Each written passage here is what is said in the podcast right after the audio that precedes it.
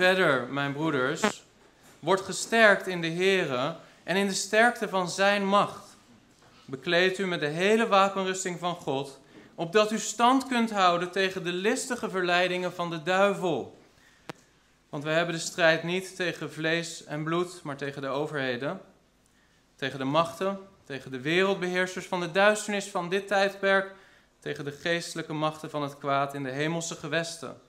Neem daarom de hele wapenrusting van God aan, opdat u weerstand kunt bieden op de dag van het kwaad en na alles gedaan te hebben stand kunt houden. Amen. We gaan bidden.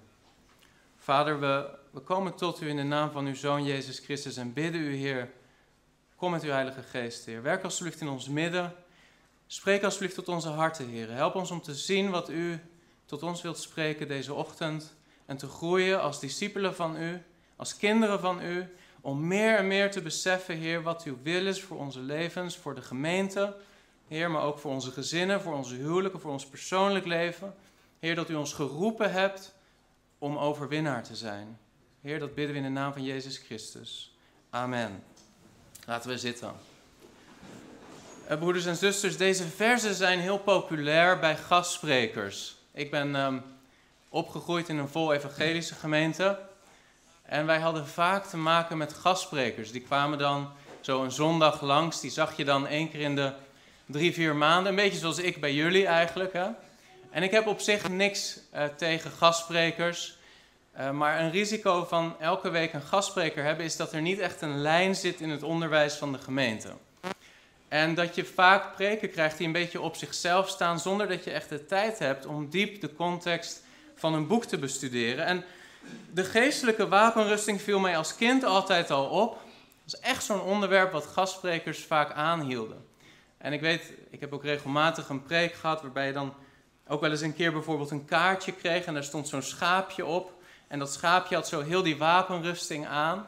En dan zag je op dat plaatje, oh ja, het zwaard betekent dit, het schild betekent dat, het harnas betekent dit, de schoenen, hè, dat betekent dat. En dan kreeg je dat en dan dacht je, ja, dat is mooi. En het is ook mooi en het was een, een goede boodschap. En ik zeg ook niet dat dat verkeerd is. Alleen het risico van een boodschap puur over Efeze 6 vanaf vers 10 over de geestelijke strijd heeft als risico dat je het niet zo goed leest in de context van de rest van de brief. En dat geestelijke strijd een beetje moeilijk wordt om te definiëren. En daarom wil ik met jullie samen, voordat we gaan kijken naar de geestelijke strijd en deze specifieke verse, wil ik kijken naar de context van de Efezebrief. Want Paulus begint in vers 10 met het woord verder. In het Grieks staat daar touloipu, wat betreft de rest, wat betreft het overige, zegt Paulus. En wat hij daarmee doet, is in feite de geestelijke strijd en de wapenrusting verbinden aan dat wat eerder al door hem beschreven is in de brief. Er is nog iets wat overblijft, zegt Paulus, en dat is dit. Dit moet je ook weten.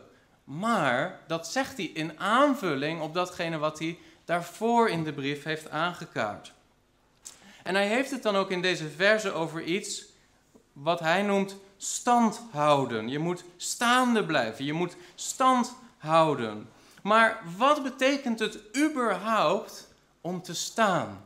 Wat betekent het überhaupt om te staan? Dat is wat Paulus definieert in het eerste deel, of eigenlijk in het voorafgaande van de brief. En betekenen dat je staat, betekent eigenlijk twee dingen.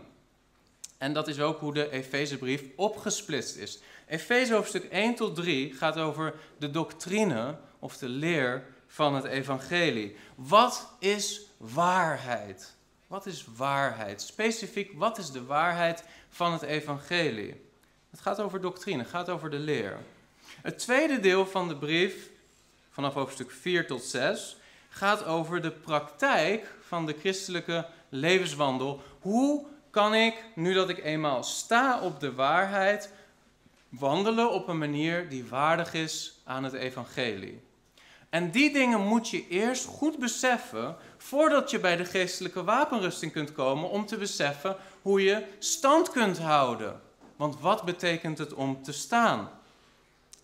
Nou, hoofdstuk 1 tot 3 laat zien dat jij door het evangelie van Jezus Christus uit de modder opgetrokken bent door de sterke hand van God, door de sterke arm van onze Verlosser, de Heer Jezus Christus, en dat Hij jou uit de modder getrokken heeft en op je voeten heeft gezet. En vervolgens leert Hij jou te wandelen, geeft Hij jou de kracht om te wandelen. En specifiek deze twee dingen zijn het die de duivel aanvalt, zowel in de gemeente als in jouw leven persoonlijk. Allereerst de leer van het evangelie. Wat is het evangelie? Wie is de Heer Jezus? Wat betekent het dat hij aan het kruis is gestorven? De duivel zal jou aanvallen om jouw definitie van het evangelie te veranderen of op onderdelen te veranderen. Hoe doet hij dat?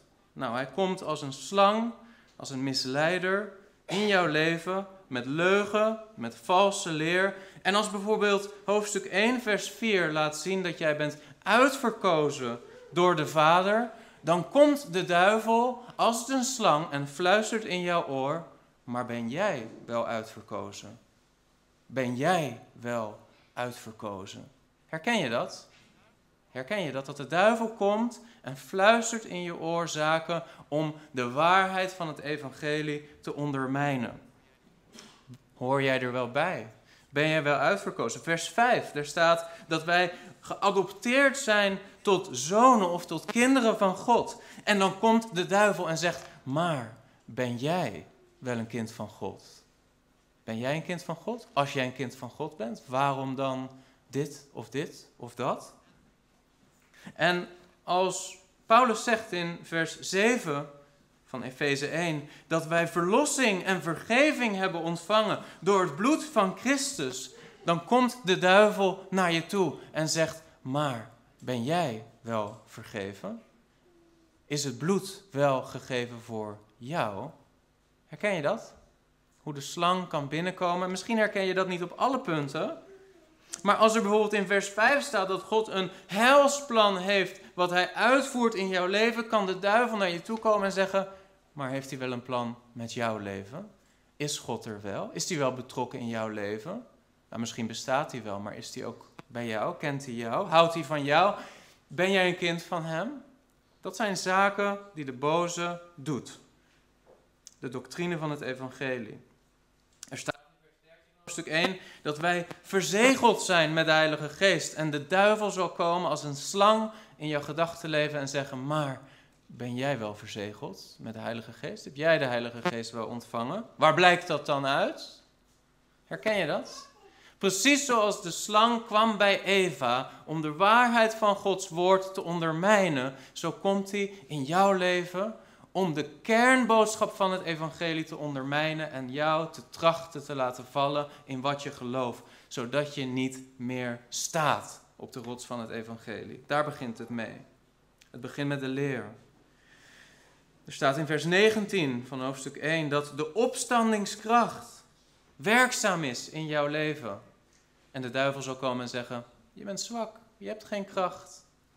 Opstandingskracht werkt niet in jouw leven, broeder. In, je, in jouw leven, zuster. Misschien wel in dat van anderen, maar niet bij jou. Je bent niet in staat om een leven te leven van heiligheid of de zonde te overwinnen. Daar ben je te zwak voor. Nou, in zekere zin is dat zo. Maar de Bijbel zegt dat de opstandingskracht van Christus beschikbaar is, werkzaam is in jouw leven. En de duivel zegt, die kracht is er niet. Niet in jouw leven. We lezen in vers 20 dat Christus zit op de hoogste troon verheven boven alle macht en kracht. En de duivel kan komen en fluisteren in je oor: Christus is niet in staat om jou te helpen. Hij misschien anderen, maar jou niet. Jou niet. Jouw problemen zijn te groot.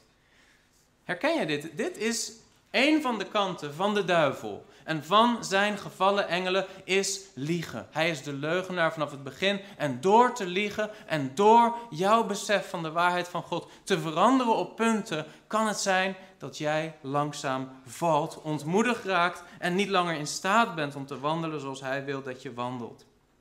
Ja, Paulus weet dit en bidt dan ook om verlichte ogen van het hart door de Heilige Geest in vers 18. Hij zegt, ik bid dat jullie verlichte ogen zullen hebben van het hart, zodat je zult zien die kracht van de opstanding die werkzaam is in jouw leven. Maar de duivel zal precies het tegenovergestelde willen doen in jouw leven. Hij wil je verblinden voor de waarheid van het evangelie of voor aspecten van de waarheid van het evangelie. En dat is de ene kant van de duivel. Hij is een slang, hij is een leugenaar, heeft een gesplitste tong, maar er is ook een andere kant. En dat komt misschien wat beter tot uiting in het tweede deel van de Efezebrief. Want de duivel valt jou niet alleen aan ten aanzien van wat je gelooft, maar hij valt jou ook aan ten aanzien van jouw praktische levenswandel. Hij wil dat je niet wandelt in heiligheid. Hij wil je laten struikelen. En dat is het tweede deel van de Efezebrief vanaf hoofdstuk 4. Daar lezen we over praktische heiligheid ten aanzien van het gemeenteleven, ten aanzien van je persoonlijk leven, persoonlijke heiligheid, het leven in reinheid in je persoonlijk leven, het weren van bitterheid of boosheid of hebzucht of een verborgen leven van zonde. Maar niet alleen je persoonlijk leven, een godvruchtig huwelijk. Niet alleen een huwelijk, maar een godvruchtig gezinsleven. Niet alleen een gezinsleven, maar een werkleven waarbij je misschien werkt in je seculiere baan of waar dan ook. God wil dat je daarin een getuigenis bent voor zijn naam, maar de duivel probeert precies het tegenovergestelde te bewerkstelligen, namelijk jou te laten vallen, jou te verleiden, ofwel te verleiden door als een slang te komen in je leven, dan wel, en dat is de andere kant, te komen als een draak of een leeuw, maar met brute kracht druk op jou uit te oefenen, zodat je uiteindelijk toegeeft, bezwijkt en compromissen gaat sluiten in je christelijk leven. Dat is de andere kant. Hij komt vaak ofwel als een slang, ofwel als een leeuw in jouw leven om druk uit te oefenen en jou te verleiden tot compromissen. Dat zijn de twee kanten. Dus geestelijke strijd, broeder, zuster, gaat niet over, en ik heb dat wel vaker gezegd, maar ik je komt het in sommige gemeenten tegen, zeker in bepaalde Pinkstergemeentes. Je staat op en je komt naar beneden en je koelkast is kapot en zegt broeder, geestelijke strijd. Nee, dat is geen geestelijke strijd. De koelkast van heel veel mensen gaat wel eens kapot. En de droogmachine ook, en de wasmachine ook. En dan moet je hem vervangen. En dat kan best wel eventjes vervelend zijn. Maar dat is niet de geestelijke strijd waar het over gaat. Althans, ik zeg niet dat dat soort tegenslagen in je leven er helemaal los van staan, maar dat is niet de kern. De kern is, de duivel wil jou laten vallen als het gaat om de leer van het evangelie, de rots waarop je staat, en ten tweede jouw wandel. Jouw wandel in heiligheid. Dat zijn de twee dingen. Voordat we verder denken daarover, ik ga vast verklappen wat de drie punten zijn van mijn preek. De eerste is de realiteit van geestelijke strijd. Het is belangrijk, en dat is wat Paulus wil zeggen, dat jij beseft dat geestelijke strijd een realiteit is. Er is een vijand van jouw ziel. Er is een vijand van de zielen van mensen en hij richt zich op de gemeente en hij richt zich op jou als christen. Er is een duivel en hij wil jou ondermijnen en laten vallen. Dat is één. Het tweede is en dat is gelijk al het goede nieuws, de realiteit van de kracht van Christus. Jezus Christus heeft de duivel overwonnen. Hij heeft de duivel overwonnen. Dat is het tweede wat ik je wil laten zien. En het derde is, God roept jou om in Christus overwinnaar te zijn. Jij bent geroepen om een leven te leven van overwinning over zonde. Veel christenen kennen die waarheid niet geloof best dat God in staat is om ze te vergeven, maar niet dat God in staat is om ze ook heilig te laten wandelen. Maar het heeft mijn leven veranderd om dat te zien. Dat niet alleen God mij wil vergeven en rechtvaardigen, maar dat God wil dat ik een overwinnaar ben over zonde. Niet uit eigen kracht, nee, nee, nee. Maar in Christus Jezus door Zijn kracht. En Zijn kracht is onmeetbaar groot. En God wil dat zijn kracht werkzaam is in jouw leven. En de duivel wil precies het tegenovergestelde. Dat zijn de drie punten. Voordat we kijken naar de rest van de context van de Bijbel, want daar gaan we wel naar kijken, gaan we heel even kijken van zegt eigenlijk de Efezebrief, de context, ook iets over de duivel? Want hij komt opeens naar voren in Efeze hoofdstuk 6 in de verse die wij net gelezen hebben, maar heeft Paulus eerder in de brief al gedefinieerd voor ons wie de duivel eigenlijk is. Nou, wat interessant is, is dat de duivel, ook al heb je hem misschien niet gezien eerder in de brief, als je de Efezebrief doorlas, wel degelijk af en toe om de hoek komt in de brief. Paulus heeft het overigens in Efeze 6 niet alleen over de duivel, maar heeft het over overheden, machten, wereldbeheersers van de duisternis van dit tijdperk, geestelijke machten van het kwaad in hemelse gewesten. En wat interessant is, is dat juist die termen, die te maken hebben met het koninkrijk van de Satan en zijn gevallen engelen, waar een zekere hiërarchie in zit, een geestelijke oppositie tegen het koninkrijk van God, de macht der duisternis, die komt eerder al voorbij, namelijk in Efeze hoofdstuk 1. Kijk even met mij mee. Efeze hoofdstuk 1, vers 20 en 21, waar Paulus het nog heeft over het evangelie. Dan zegt hij, heeft hij het over de kracht die de Vader gewerkt heeft in Christus toen hij hem uit de doden opwekte en aan zijn rechterhand zette in de hemelse gewesten. En let nu op, vers 21, ver boven alle overheid en macht en kracht en heerschappij en elke naam die genoemd wordt, niet alleen in deze wereld, maar ook in de komende. En Paulus' punt hier is niet alleen om te zeggen, ja, de Heer Jezus is hoger verheven dan uh, keizer Nero van het Romeinse Rijk, of Mark Rutte als minister-president van Nederland, of Joe Biden, of een of andere politieke machthebber die wij zien als in menselijke zin. Nee, hier gebruikt hij precies dezelfde woorden als in Efeze hoofdstuk 6, waar het duidelijk gaat over geestelijke machten. Over de gevallen engelen, over het koninkrijk van de duisternis. En het eerste wat Paulus in feite zegt over de boze is dat Christus verheven is boven hem en zijn hele koninkrijk. Zie je dat? Nou wordt de duivel niet bij naam genoemd, maar het eerste wat Paulus zegt is: maakt niet uit over wie of wat we het hebben. Christus is verheven ver boven hem of haar of de macht die daaronder valt. Het is belangrijk om dat te zien.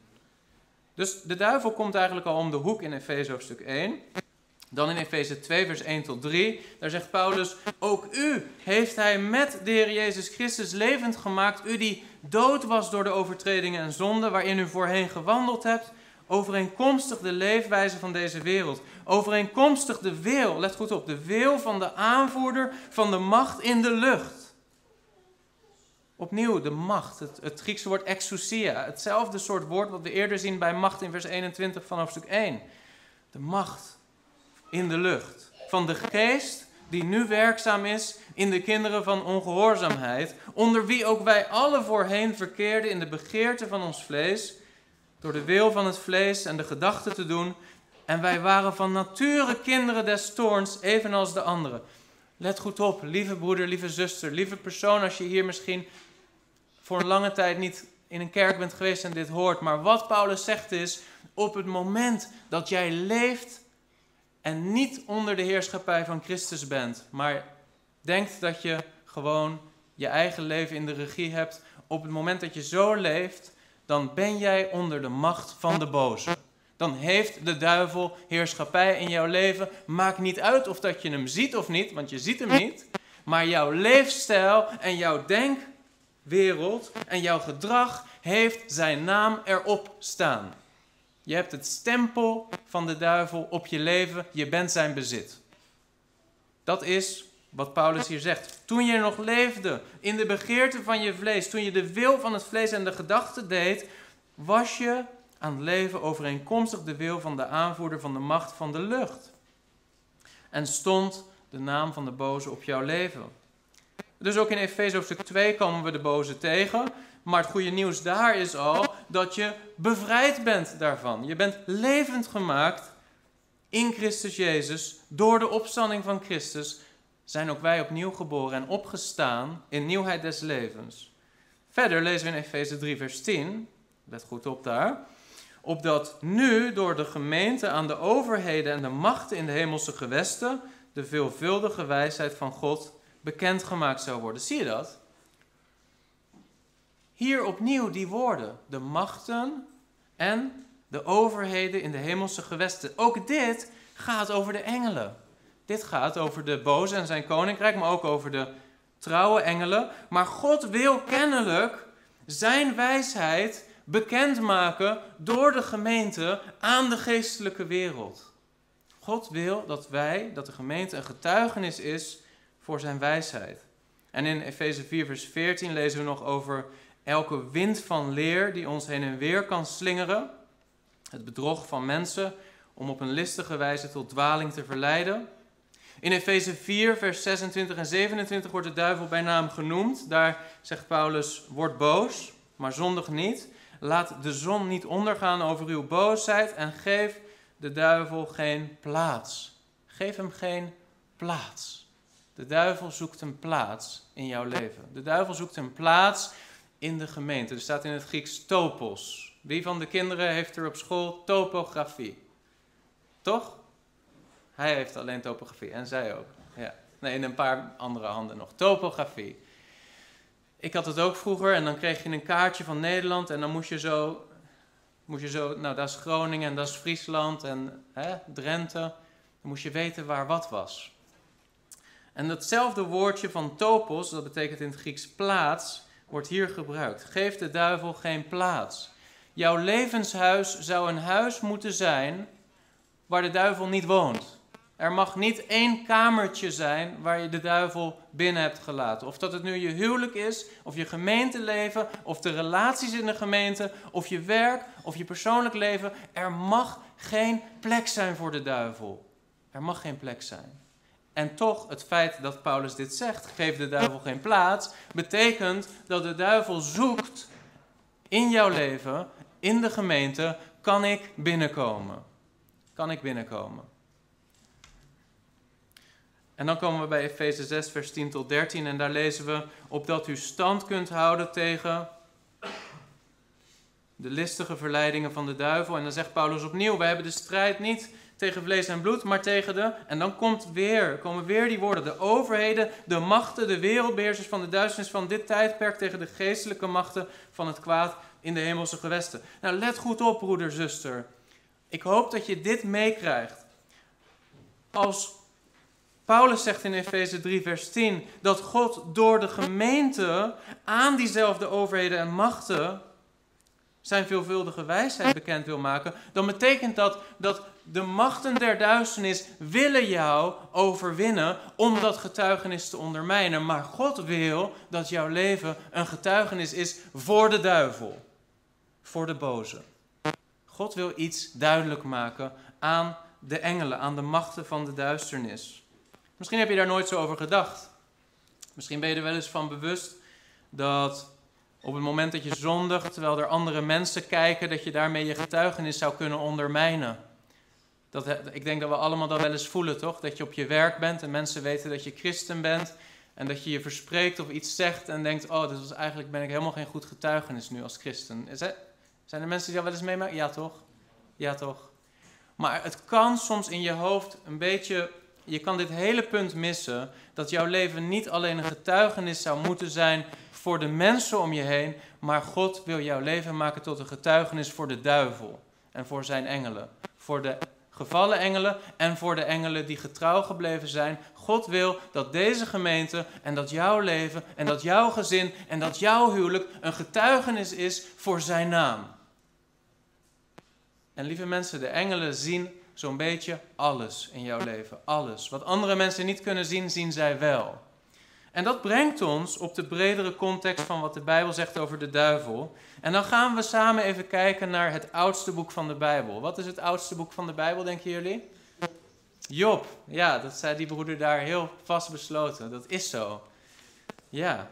Veel mensen zouden natuurlijk zeggen Genesis, want dat is het eerste boek van de Bijbel. Maar dat is niet het eerst geschreven boek van de Bijbel. We geloven dat het eerste boek wat geschreven is in de Bijbel is het boek Job. En waarom is dat?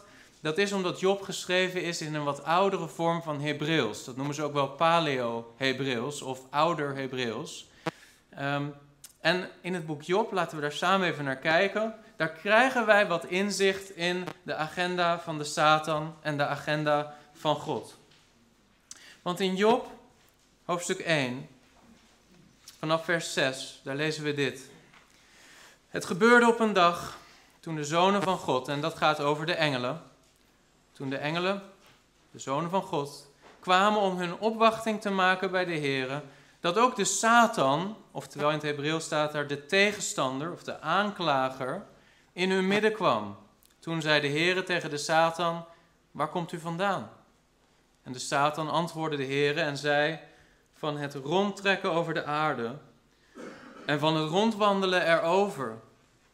De Heere zei tegen de Satan: Hebt u ook acht geslagen op mijn dienaar Job? En dit is een zo'n interessante vraag. Ik hoop dat deze vraag tot je doordringt. Dat God zegt tegen de Satan: Satan, heb je ook acht geslagen op mijn dienaar Job? Heb je hem gezien? En het woord wat daarvoor gebruikt wordt voor dat acht slaan is best ingewikkeld te vertalen. Maar in, het, uh, in veel Engelse vertalen staat er: Have you considered my servant Job? Heb je hem gezien? Heb je acht geslagen op hem? Heb je hem bestudeerd? God, God zegt als het ware: Dit is mijn man. Dit is mijn man. Dit is Job. En dan zegt hij erachteraan, en dit is zo triest eigenlijk in dat boek, is dat hij zegt: Want er is niemand op de aarde zoals hij. Besef je dit? Dat wij gemaakt zijn om als kinderen van God heilig te leven, naar zijn wil te leven. En dat God niemand anders heeft op dat moment om naar te wijzen dan Job. Er is niemand op de aarde zoals hij. En dat lezen we ook in de Bijbel. Hij is vroom, hij is oprecht, hij is godvrezend. Hij keert zich af van het kwaad. Heb je acht geslagen op hem? God wil dat de mens een getuigenis is van hem ten aanzien van de boze en de gevallen engelen. Heb je acht geslagen op hem? En dan zegt Satan dit, let goed op. Toen antwoordde Satan de Heer en zei: Is het zonder reden dat Job God vreest? Met andere woorden, hij gaat het getuigenis ondermijnen. Hij gaat het getuigenis ondermijnen. Ah, tuurlijk, tuurlijk vreest Job u. Hebt u niet voor hem en voor zijn huis en alles wat hij heeft een beschutting gemaakt? Het werk van zijn handen hebt u gezegend. Zijn vee breidt zich steeds verder uit in het land. Maar steek toch uw hand uit en tref alles wat hij heeft. Voorwaar, hij zal u in uw aangezicht, in het Hebreeuws staat er dan zegenen. Maar wat hij bedoelt is vaarwel zeggen. Hij, gaat, hij zegt, nou God zegen, maar ik ga wat anders doen. Ik ga niet meer langer God volgen.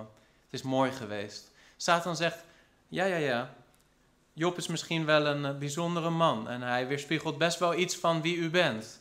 Maar ja, dat is omdat u hem dit geeft, dat geeft, zus geeft, zo geeft. En de Satan probeert het getuigenis van Job te ondermijnen en zegt: Steek uw hand uit en tref alles wat hij heeft. En dan zegt de Heer dit. De Heer zei tegen de Satan: Zie, alles wat hij heeft is in uw hand, alleen naar hemzelf mag u uw hand niet uitsteken. En de Satan ging weg van het aangezicht van de Heer. En wat gebeurt er vervolgens?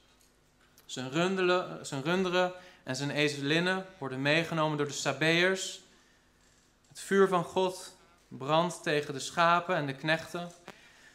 Zijn kamelen worden meegenomen door de Galdeën, zijn zonen en zijn dochters. Let goed op, dit is een mens, hè? Dit is, Job is maar een mens. Dit is een echt mens met echte kinderen, met een, echte, een echt leven. Dit is niet maar een verhaal. Zijn zonen en zijn dochters, die bezwijken en raken bedolven onder een dak door een stormwind. En tot slot krijgt de Satan ook toestemming om Job zelf te slaan met zweren door ziekte. En alsof dat niet genoeg is, deze man die van het ene op het andere moment alles verliest wat hij heeft. En vervolgens ook ziek is en niks anders meer kan doen dan zichzelf krabben met een potscherf. Vervolgens lezen we dat zijn vrouw ook zegt: Job, zeg God vaarwel. Zegen God. Waarom zou je blijven bij deze God? En niet alleen dat, vervolgens komen zijn vrienden naar hem toe. En zijn vrienden komen met allerlei verklaringen waarom dit toch gebeurd moet zijn met Job. En we lezen later dat ze verkeerd gesproken hebben van God. Maar de duivel werkt daar doorheen en probeert het getuigenis van Job te ondermijnen. En tegelijkertijd heeft God met dit alles de bedoeling om te laten zien naar de boze: nee, nee, nee. Job is mijn man. Job zal mij niet verlaten, wat je ook met hem doet. En dit gaat veel verder dan het boek Job.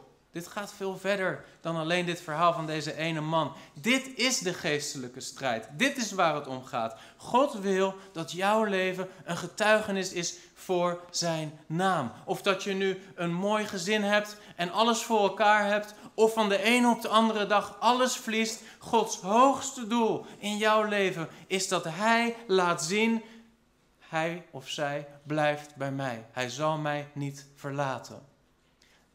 En dat is precies wat de Heer Jezus voor ons heeft gedaan. De Heer Jezus verloor alles en stierf uiteindelijk aan een kruis. Heeft alles achtergelaten om zijn liefde voor jou te laten zien. En nu is het getuigenis van de gemeente aan de boze dat de gemeente een getuigenis is van de liefde van God. Niet alleen van God voor ons, maar ook van ons voor God, zoals Hij werkt in onze levens. En ik wil je bemoedigen. God wil dat jij een overwinnaar bent als getuigenis voor Zijn naam richting de boze.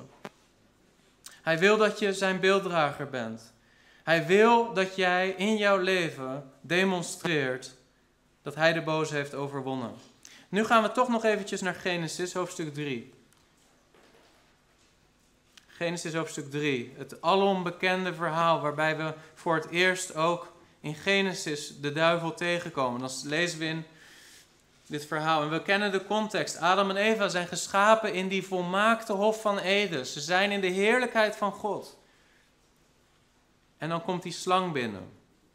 En dan staat er, de slang was de listigste onder alle dieren van het veld die de Heere God gemaakt had. En hij zei tegen de vrouw, is het echt zo dat God gezegd heeft, u mag niet eten van alle bomen in de hof? Zie je, hier begint hij als een slang twijfel te geven ten aanzien van het woord van God. Wat heeft God gezegd? En we weten hoe het verder gaat.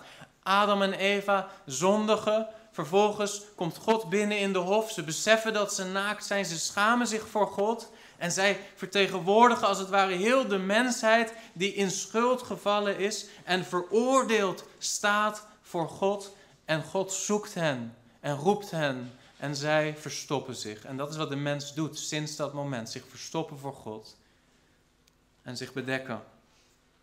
En vervolgens komt God natuurlijk en spreekt het oordeel uit, maar dan zegt God dit tegen de slang.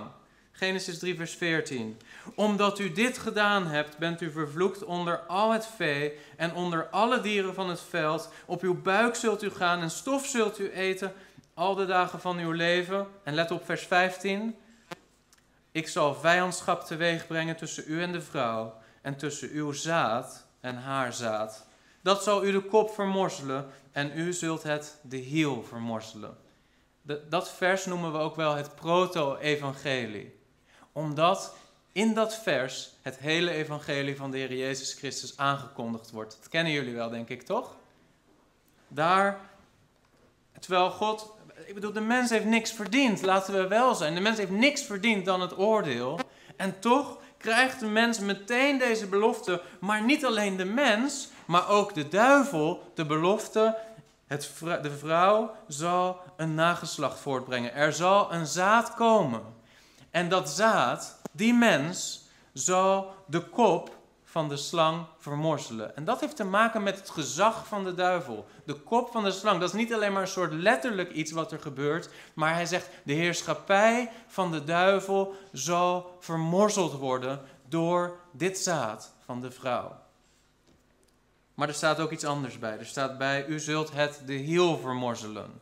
Met andere woorden, de duivel zal dat zaad beschadigen en tegelijkertijd zal dat zaad de duivels macht verbreken. En dat is gebeurd op Golgotha. Dat is wat er gebeurde aan het kruis. Ja, de Heer Jezus werd beschadigd door de boze. Ja, de Heer Jezus werd doorboord, zijn voeten en zijn handen doorboord. En tegelijkertijd heeft hij daar de macht van de boze verbroken. Zeg broeder Christ, maar bestaat de duivel dan nog steeds? Hij bestaat nog steeds. Maar zijn macht is niet meer soeverein. Zijn macht is verbroken in de levens van de mensen in wie het evangelie werkzaam is. Komen we straks.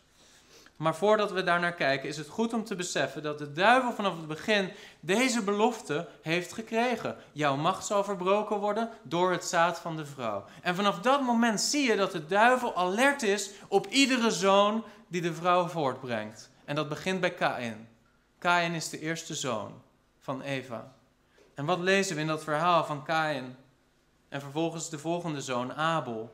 En dan ontstaat daar in dat gezin jaloezie. En er ontstaat bitterheid. Er ontstaat een strijd. Abel brengt een offer voor de Heer. Kain brengt een offer voor de Heer. Maar het offer van Abel wordt aangenomen door de Heer. Het offer van Kain wordt verworpen. En dan gebeurt er iets in het hart van Kain. Kain wordt bitter. Kain wordt jaloers. En dan spreekt God tot Kain. En dat is, ik bedoel, ik zou het ook wel heel fijn vinden als God direct tot me spreekt op het moment dat ik op het punt sta te gaan zondigen. En soms ervaar je dat misschien ook wel door de Heilige Geest, dat je gewaarschuwd wordt. Pas op, pas op. Maar Kain wordt letterlijk gewaarschuwd. Net voordat hij op het punt staat de grootste fout van zijn leven te maken. Let op wat er staat. De Heer zegt tegen Kain, Genesis 4, vers 6. Waarom bent u in woede ontstoken? Waarom heeft u uw hoofd laten zakken? Is het niet zo dat als u het goede doet, uw hoofd kunt opheffen? Maar als u niet het goede doet, ligt de zonde aan de deur. Let op, de zonde ligt aan de deur. En God beschrijft de zonde hier net als die slang, als een roofdier die aan de deur ligt en Kain wil veroveren. Kain, de slang ligt aan de deur, de leeuw ligt aan de deur, de draak staat voor de deur. De boze wil binnenkomen in je hart. De zonde ligt aan de deur. Maar dan zegt hij erbij, zegt de Heere God, naar u gaat zijn begeerte uit. Maar u moet over hem heersen. U moet over hem heersen. Nou, heeft Kain dat ter harte genomen of niet? U moet over hem heersen. Het eerste vers wat we daarna lezen. Kain sprak met zijn broer Abel. Nou, ik denk niet dat hij met, met Abel besprak van... Hé hey broeder, het spijt me, ik had een verkeerde hartsgesteldheid tegenover jou. Nee, nee. Hij sprak met zijn broer Abel. Hij lokte hem mee naar een veld en dan staat er... Kain valt zijn broer Abel aan en doodt hem. En in de geestelijke wereld is het op dat moment de duivel die zegt: Dat is niet het zaad. Hij is van mij. Kain is van mij. Kain is mijn kind. Kain heeft mijn naam op zijn leven staan.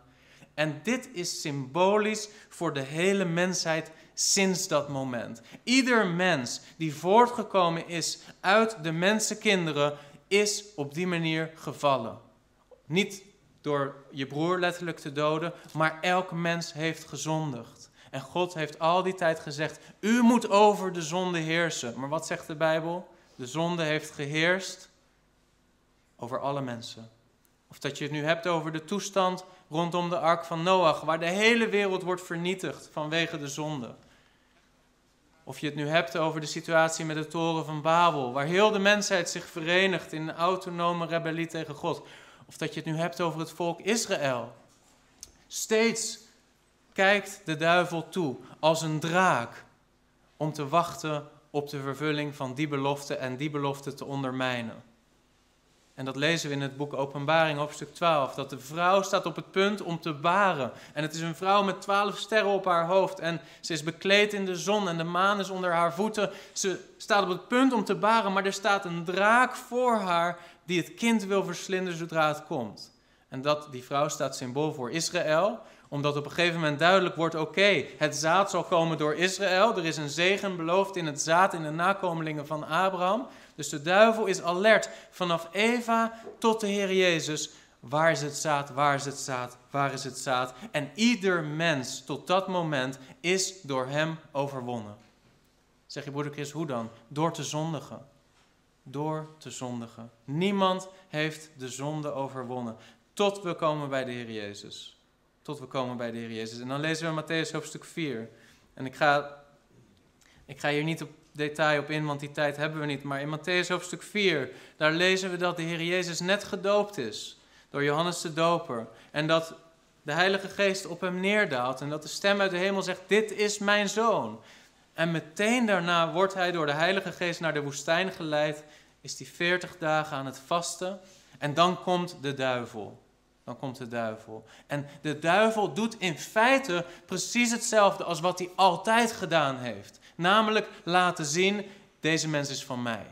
Deze mens is van mij. Ik kan ervoor zorgen dat hij uiteindelijk mijn beeld draagt. En dat probeert hij te doen bij de Heer Jezus. En dan komt hij in vers 3 met deze woorden. Als u Gods zoon bent. Zie je, dat is precies wat hij bij ons doet. Hè? Ben jij een kind van God? Als je een kind van God bent, dan twijfel proberen te zaaien. Hij doet in feite hetzelfde wat hij altijd gedaan heeft. Als u Gods zoon bent, zijn denk, het, denken beïnvloeden, doe dan dit. Het gedrag beïnvloeden. Als u Gods zoon bent, zeg dan dat deze stenen broden worden.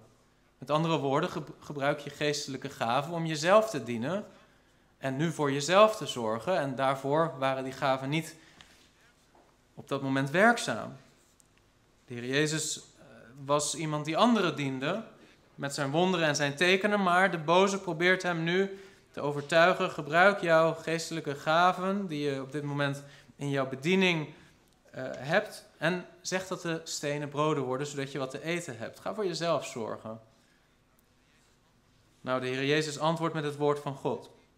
Vervolgens zegt hij, vers 6, als u zoon van God bent, werp uzelf dan naar beneden. Want er staat geschreven in Psalm 91 dat hij zijn engelen voor u bevel zal geven dat zij u op de handen zullen dragen, opdat uw voeten niet misschien stoot aan een steen. Het is een totaal verkeerde interpretatie van Psalm 91, want dat psalm is juist een bemoediging om te blijven vertrouwen en geloven op God. Maar de duivel legt het uit als iets wat je kunt inzetten om te bewijzen dat God wel voor je blijft zorgen. Om God te verzoeken.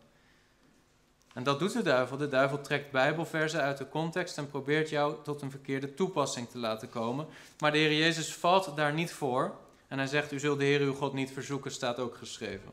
Vervolgens neemt de duivel hem mee naar een zeer hoge berg. Laat hem al de koninkrijken van de wereld zien met hun heerlijkheid. En let goed op, dan zegt hij dit, vers 9. Dit alles zal ik u geven. Besef je wat hij zegt? Dit is van mij, zegt hij. Al die koninkrijken zijn van mij. is van mij. Kan ik geven? Het is aan mij gegeven om het te geven aan wie ik wil. Al die mensen die dragen mijn beeld. Al die mensen die zijn onder mijn gezag. Ik zal het aan je geven, Jezus, maar je moet wel voor mij knielen. Je moet mij aanbidden. En wat zegt de Heer? Toen zei Jezus tegen hem: Ga weg, Satan. Want er staat geschreven: De Heere uw God zult u aanbidden en Hem alleen. En let goed op, dan staat er. En wij beseffen dit zo vaak niet. Maar ik stel me zo voor dat heel de menigte van engelen toekijkt naar hoe dit gebeurt. Hè. Er staat dat er geen, dus geen mens is hierbij misschien. Hij is in zijn eentje in de woestijn aan het vasten wanneer de duivel komt.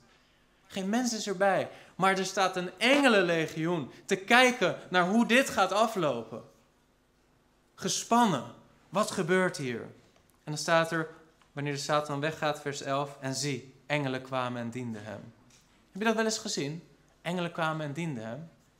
Het, het, lijkt zo simpel, alsof dat hij alleen is in de woestijn. Maar er, er kijkt een legioen van engelen toe. Zowel gevallen engelen als getrouwe engelen kijken toe en zien voor het eerst een mens bij wie het de duivel niet lukt om zijn stempel op zijn leven te zetten, op zijn denken te zetten, op zijn gedrag te zetten. De Heer Jezus overwint de boze.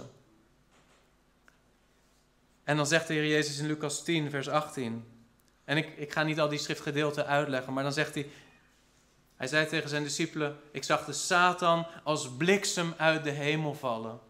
Lieve mensen, de Heer Jezus heeft de boze overwonnen. De boze kon de Heer Jezus niet brengen tot zonde was daar niet toe in staat. En dan zegt de Heer Jezus in Johannes 12, vers 31, nu wordt het oordeel over deze wereld voltrokken. Nu zal de vorst van deze wereld buiten geworpen worden.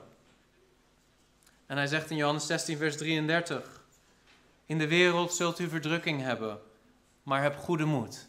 Ik heb de wereld overwonnen. De Heer Jezus is overwinnaar. Halleluja. Hij heeft de boze overwonnen. Wat Kain niet kon doen. Wat Abraham niet kon doen. Wat Noach niet kon doen. Wat lieve mensen zelfs Job niet kon doen, omdat hij aan het eind van het boek toch verleid wordt om God in zijn soevereine gezag te bevragen. En uiteindelijk zegt, ik leg mijn hand op de mond en ik bekeer me in zak en as. Lieve mensen, de Heer Jezus had niks om zich van te bekeren. Hij leefde een volmaakt zuiver leven. En alle engelen zien het gebeuren. En dan lezen we in Colossense 2, vers 13 tot 15 dit.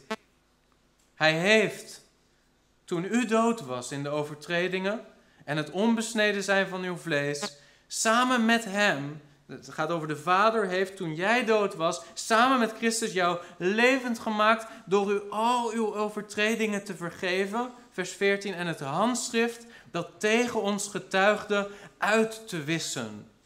Dit handschrift was met zijn bepalingen tegen ons gericht en hij heeft dat uit het midden weggenomen door het aan het kruis te nagelen. Vers 15. En dan komt weer die onzichtbare wereld om de hoek. Vers 15. Hij heeft de overheden en de machten Weer diezelfde woorden, de overheden en de machten, de engelen. Specifiek de gevallen engelen, de duivel en zijn engelen. Hij heeft de overheden en de machten ontwapend. Die openlijk te schande gemaakt en daardoor over hen getriomfeerd. Zie je, wij zien een man hangend aan een kruis. En wij denken, hij is verslagen. Maar in de geestelijke wereld is die man degene die op dat moment als compromisloze, getrouwe mens, volkomen overgegeven aan zijn vader, nooit gezondigd. En op dat moment draagt hij namens ons als kapitein van zondaren al onze zondeschuld. Hij heeft op dat moment de kop van de slang verbrijzeld. Op dat moment is het einde verhaal voor de Satan. Lieve mensen, de duivel is niet gestopt met bestaan op dat moment, maar zijn soevereine macht over mensenlevens is verbroken. Als jij gelooft in de Heer Jezus Christus en dat Hij gestorven is voor jou aan het kruis, dan heb je met dat getuigenis door zijn bloed de boze overwonnen. Staat in openbaring. Ze hebben hem overwonnen door het bloed van het lam en door het woord van hun getuigenis en ze hebben hun leven niet lief gehad tot in de dood. God wil dat jouw leven een getuigenis is. Want het gaat niet alleen, en nu hebben we het gehad over de realiteit van de duivel, we hebben het gehad over de realiteit van de overwinning door onze Heer Jezus Christus, maar dan komen we bij het derde punt en daar sluiten we mee af. En dan komen we terug bij Efeze hoofdstuk 6. Maar let goed op wat er staat. God roept jou om een overwinnaar te zijn. God heeft jou niet verlost in Christus Jezus, zodat jij de rest van je leven de nederlaag delft ten opzichte van de macht van zonde in jouw leven. Niks van dat alles. God heeft jou geroepen om een overwinnaar te zijn, maar niet door je eigen kracht. Niet door je eigen kracht. Let goed op wat er staat in Efeze 6, vers 10. Verder, mijn broeders, wordt gesterkt in de Here en in de sterkte van zijn macht. En Paulus gebruikt daar drie verschillende woorden voor kracht of gezag. Hij heeft het over en dynamuste, krate en ischuos. Hij gebruikt drie verschillende Griekse woorden voor kracht. En wat hij wil zeggen is, lieve broeder, lieve zuster, de kracht van onze Heer Jezus Christus is onmeetbaar groter dan de kracht van de zonde, dan de kracht van de boze. Jij bent zwak, maar hij is niet zwak. En hij is in staat om jou te sterken met zijn kracht. In jouw zwakheid in jouw zwakheid. Kan zijn kracht werken, maar het is niet jouw kracht. Het is zijn kracht. Het is niet jouw eer, het is zijn eer. Maar Paulus' grote verlangen is dat je dit ziet. Niet alleen dat er tegenstand is. Niet alleen dat de Heer Jezus de boze heeft overwonnen. Maar dat jij geroepen bent om in zijn kracht de boze te overwinnen. En dat jij de middelen die God beschikbaar stelt tot overwinning benut. En ik wil afsluiten met deze vraag. Ben je een overwinnaar als het gaat om je vertrouwen in het evangelie? Of heeft de boze jou overwonnen? Geloof je dat Jezus is gestorven voor jouw zonde? Is dat je rotsvaste overtuiging? Hij is voor mij gestorven. Ik ben uitverkozen vanaf de grondlegging van de wereld. Ik geloof dat ik vergeving heb ontvangen in zijn bloed. Ik geloof dat ik ben gerechtvaardigd. Ik geloof dat ik een kind van God ben. Ondanks dat de boze dat steeds zal proberen te ondermijnen. Lieve broeder, lieve zuster, sta vast op die beleidenis. Want daardoor zul je hem overwinnen. Ik geloof dat zijn opstandingskracht steeds meer werkzaam zal worden in mijn leven. Ik geloof dat Christus als koning heerst tot in eeuwigheid. Ben je een overwinnaar als het gaat om je doctrine, over je theologie, over je evangelie, geloof? Maar ten tweede ben je een overwinnaar als het gaat om je praktische levenswandel. Leef je in groeiende persoonlijke heiligheid? Is jouw huwelijk steeds meer een getuigenis van wie God is? Je gezin, je werk en deze gemeente. Laten we samen bidden. Vader, misschien dat dit confronterend is om dit zo te zien, Heer, en tegelijkertijd is het zo bemoedigend dat u de boze heeft overwonnen, Heer Jezus Christus. En wij hebben vergeving ontvangen door uw overwinning, Heer. We zijn gerechtvaardigd. U heeft uw koninkrijk geplant, Heer. U, U heerst op soevereine wijze in de levens van uw kinderen. Heer, en tegelijkertijd roept u ons ook op om een overwinnaar te zijn, Heer. Om misschien onze angsten te overwinnen, misschien onze verleidingen die op ons pad komen. Heer, de, de, de, dingen die de duivel op ons afgooit, Heer. Worstelingen in het huwelijk, worstelingen in het gezin, worstelingen in het gemeenteleven, worstelingen in relaties waar zoveel mis kan gaan, heren. De boze zoekt een plek, zoekt een opening om het getuigenis te ondermijnen. En tegelijkertijd heeft u gezegd dat uw kracht beschikbaar is om iedere verleiding te overwinnen. Heren, help ons alstublieft. Heren, help deze gemeente, help mij, help ons om dat te zien en help ons om te beseffen dat het ten diepste niet gaat om ons, maar het gaat om uw naam, heren. Heer, we bidden dat uw naam verheerlijkt wordt in onze gezinnen. We bidden dat uw naam verheerlijkt wordt in deze gemeente. Heer, we bidden dat deze gemeente, Heer, een getuigenis zal zijn van uw liefde, van uw goedheid, van uw heerlijkheid, Heer. En van dat wat u kunt bereiken in het leven van een gemeente, in het leven van een mens, Heer. Heer, we willen u bidden dat u in staat zult zijn om te zeggen tot de boze. Heb je die gemeente gezien? Heb je dat huwelijk gezien? Heb je dat gezin gezien? Dat is mijn gemeente. Heer, ik bid u dat u verheerlijkt zult worden in onze levens. En dat in zoverre als dat nog niet het geval is, dat u onze ogen zult openen, Heer, om niet het van onszelf te verwachten, maar te zien hoe groot de opstandingskracht van Christus is. En hoeveel hoger Christus verheven is boven alle macht en alle overheid en alle gezag. In deze wereld, maar ook in de toekomende. We bidden dit in Jezus' naam. Amen. God zegen.